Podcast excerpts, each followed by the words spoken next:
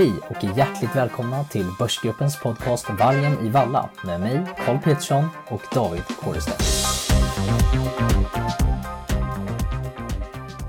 Denna del är inspelad i efterhand för att kunna ge er en mer exakt uppdatering av vår fiktiva portfölj Vargen i Valla.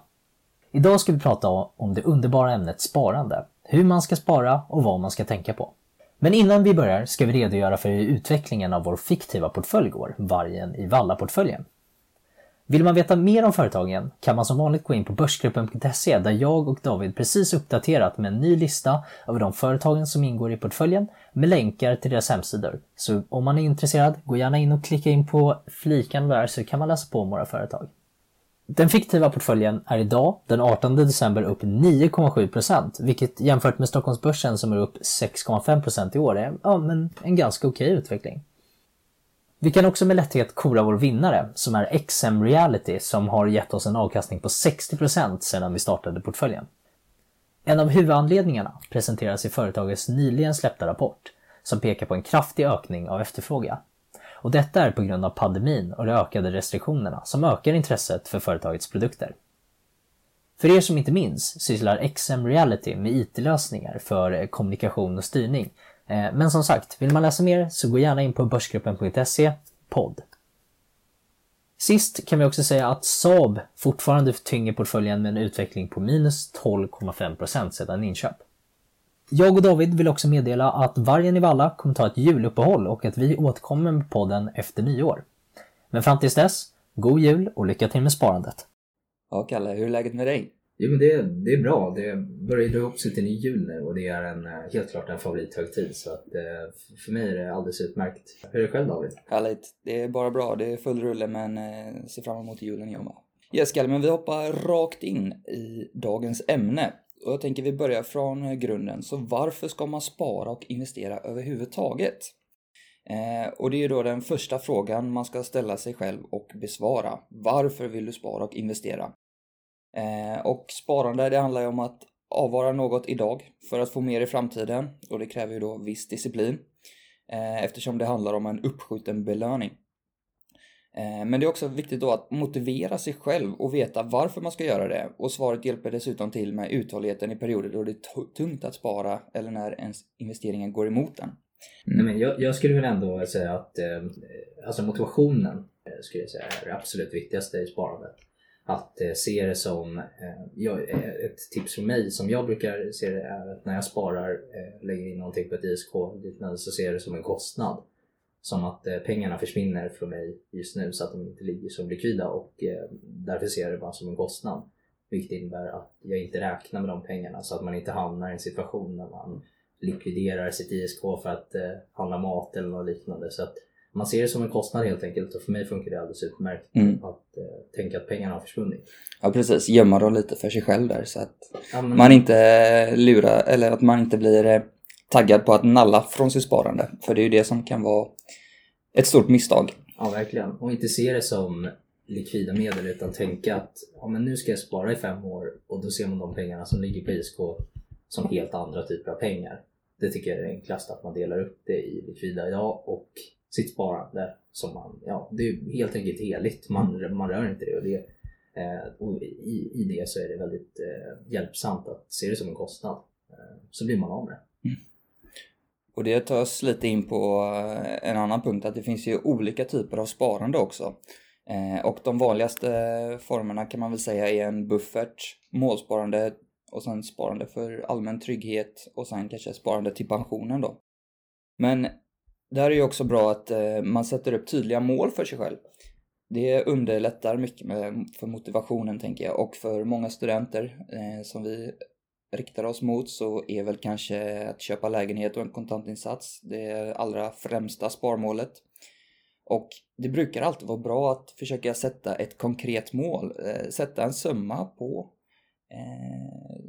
målet som man vill nå upp till och då kanske det kan vara till och med bra att döpa kontot till kanske lägenhet 2022 eller och sen så skriva en summa som man ska ha där så man eh, ser det där varje gång man kanske lockas av att gå in och plocka lite men då blir man påmind att nej nej, där eh, tar det stopp. Det får jag försöka lösa på annat sätt. Absolut, och sen eh, gällande det här målet då så ska det också absolut vara rimligt. Eh, ursäkta.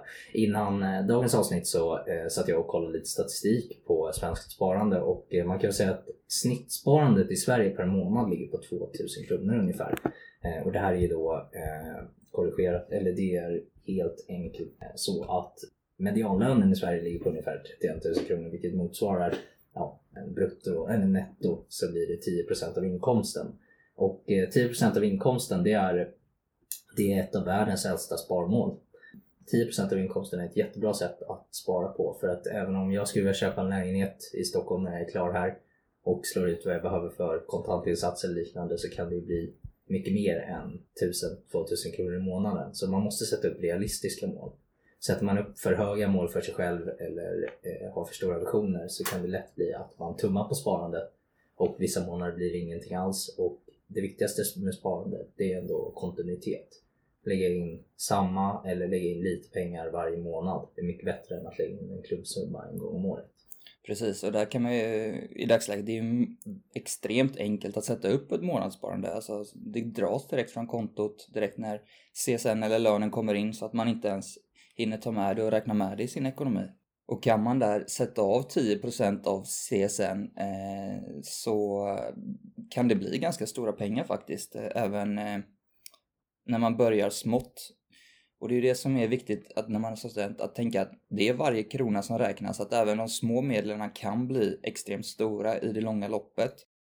Vi gjorde en liten exempelberäkning här att om man eh, skulle ändå lyckas spara 1000 kronor under eh, sin studietid som vi räknar med fem år och få en eh, avkastning på 10% på ett ISK så och månadsspara regelbundet och inte gör några avsteg från detta så kommer man efter fem år då ha ett värde på portföljen som är nästan 70 000 kronor, varav då eh, cirka 18 är ren avkastning. Och det, det räcker inte till en kontantinsats kanske i Stockholm, men det är en bra eh, start i alla fall.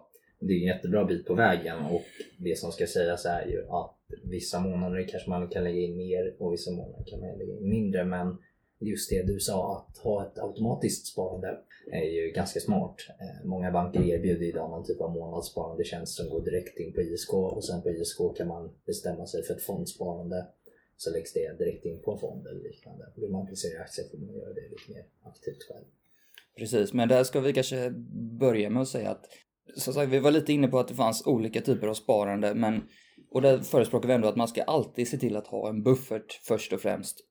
Eh, och att man då endast investerar pengar som man eh, har råd att förlora eller som man inte behöver på väldigt lång sikt.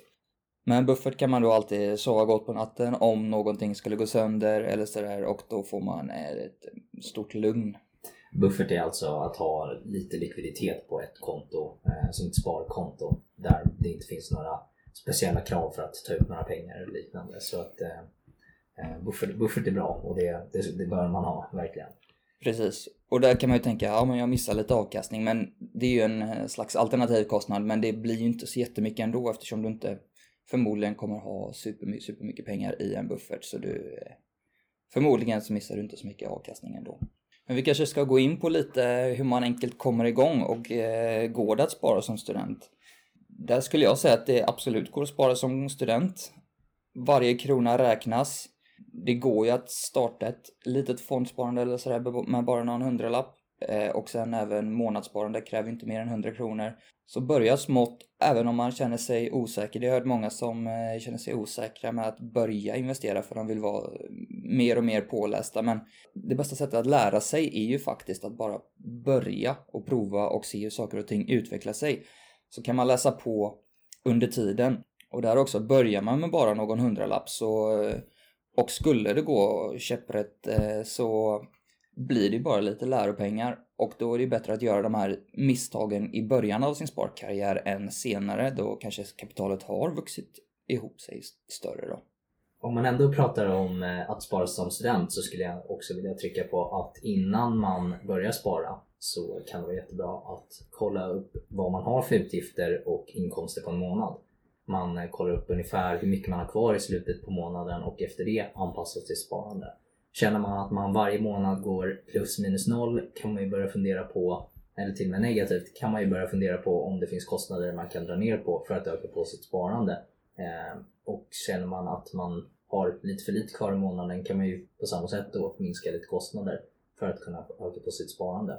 Så vi eh, skulle väl säga att innan man hoppar på att signa upp sig på månadssparande eller börja med ett aktivt sparande så är det jättebra att hålla koll på eller ha en bra översikt över sin ekonomi och eh, ja, nästan då budgetera eller ha, ja, men ha, ha, en bra, ha bra koll på vad man lägger pengarna på på en månad.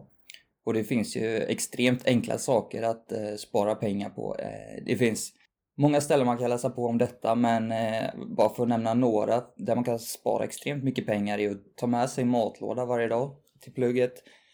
Eh, det kan bli extremt stora pengar över lite tid och sen även att man eh, kanske inte springer och köper eh, dyra energidrycker och sådär på eh, Pressbyrån eh, två gånger per dag för det, det är också pengar som kan växa sig extremt stora och den lycka man får av en energidryck är så kortvarig.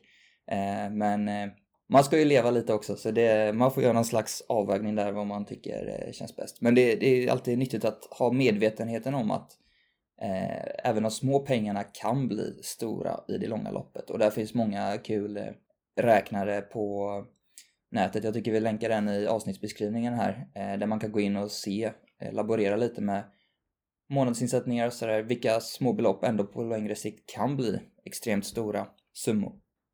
Ja, jag skulle verkligen vilja säga det att även om man ska budgetera och se över sina kostnader på en månad så är ändå det viktigaste att sparande är roligt. Eh, tycker man inte att det är roligt att eh, skära ner jättemycket på sina kostnader och sin levnadsstandard så kommer inte heller sparandet gå bra.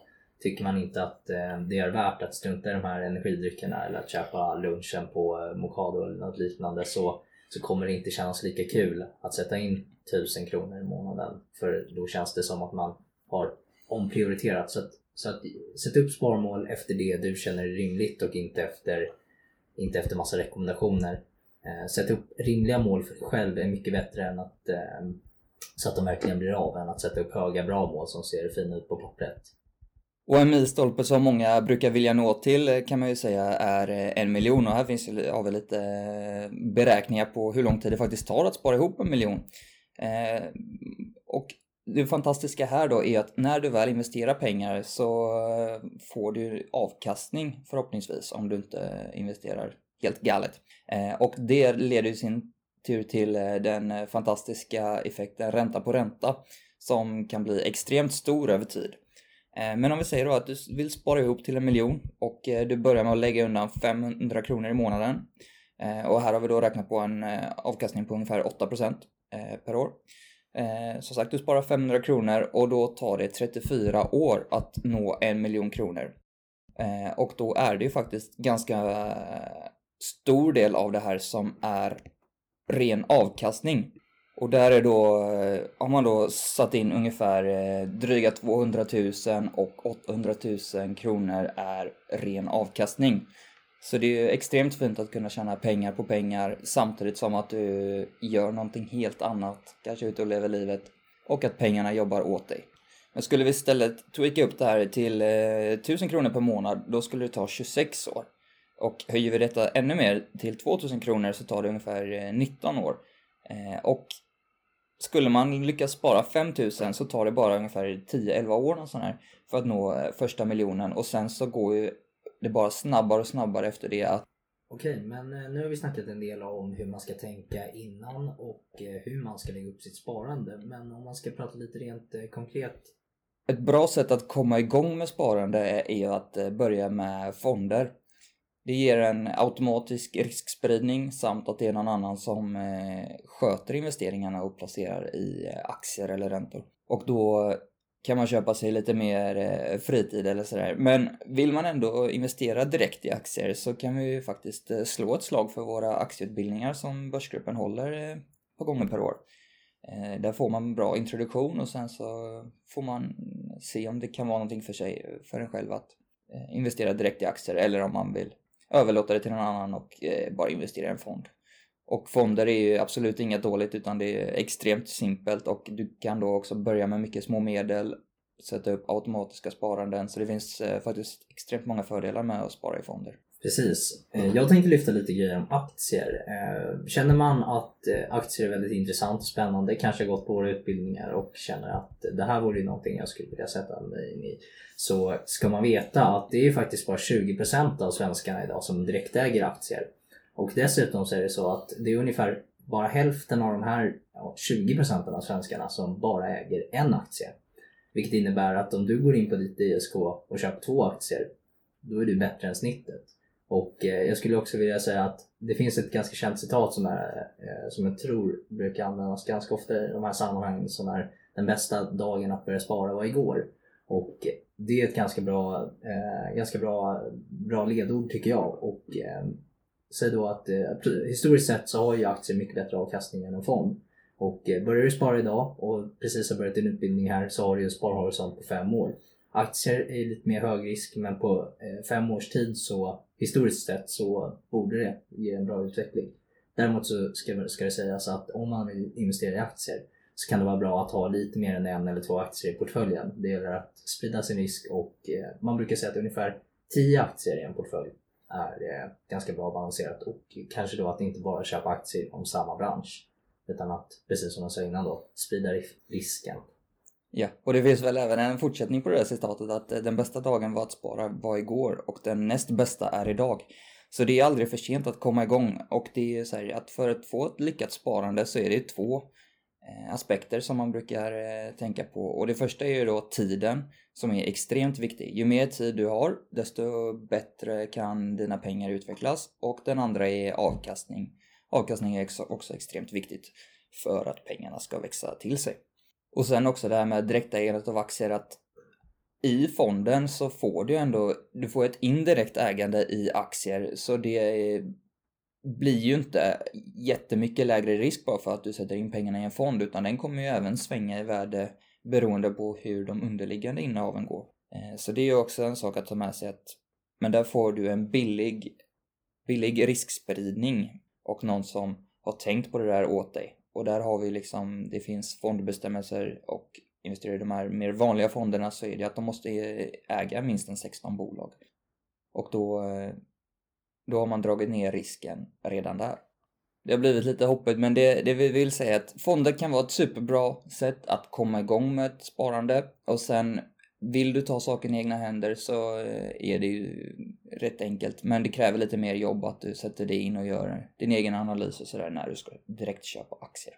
Men Kalle, det hade varit lite kul att höra hur du sparar själv och eh, kan du spara som student?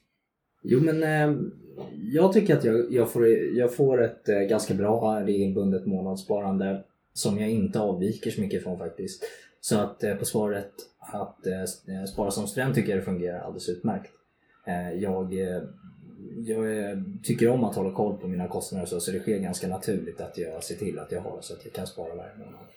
Eh, angående hur jag lägger upp mitt sparande så är det lite roligt för att eh, när du och jag David har spelat in podden eller framförallt eh, mellan att vi spelar in podden så pratar vi ganska mycket om sparande generellt och det har ju, eh, det har ju visat sig att vi sparar ganska olika eh, vilket jag tycker är intressant och eh, man kan väl säga så här att jag för min del Eh, så applicerar jag ganska ofta eh, köp och glöm-strategin. Jag, ehm, jag, jag, jag, köper en aktie som jag har eh, kollat lite på under ett tag. Eh, oftast, eller ja, nästan alltid, så är det en aktie som jag känner till. Jag vet vad de gör. Och eh, det är ett bolag som jag eh, Ja, oftast är det sådana jag tycker om. De går väldigt mycket på magkänsla. jag skulle, det, är en, det är en stark överdrift att säga att jag sitter och gör massa analyser. Utan jag kollar på produkten, ser om jag tycker det låter rimligt och sen så köper jag den aktien och sen så struntar jag i den. Eh, och det tycker jag är ett ganska skönt sätt att också distansera sig från sitt eh, sparande så att man inte går in och kollar varje dag och mår jättedåligt när börsen går ner och mår jättebra när börsen går upp. Och är man en sån människa kanske man ska fundera på att ta lite lägre risk och kanske köpa fonder istället. Eh, David, hur, hur brukar du lägga upp det? Yes, men jag brukar alltid börja med att jag har ett månadssparande som är stående som går in i ett gäng fonder. Eh, och sen utöver det så brukar jag även eh, gilla att hålla på med aktier och det är där jag har liksom största delen av portföljen.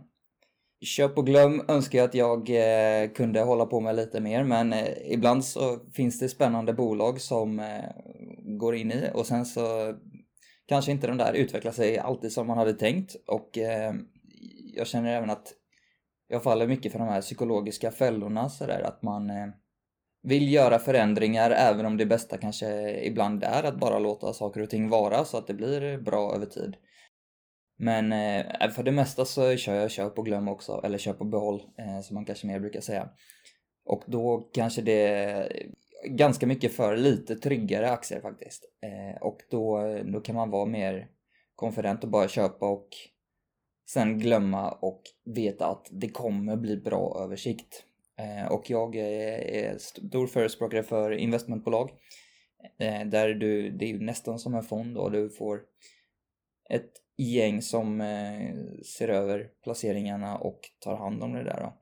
Och det kan jag veta att nästan, då känner jag mig trygg att det kommer bli bra på sikt och då behöver jag inte vara orolig för kortare svängningar och sådär då.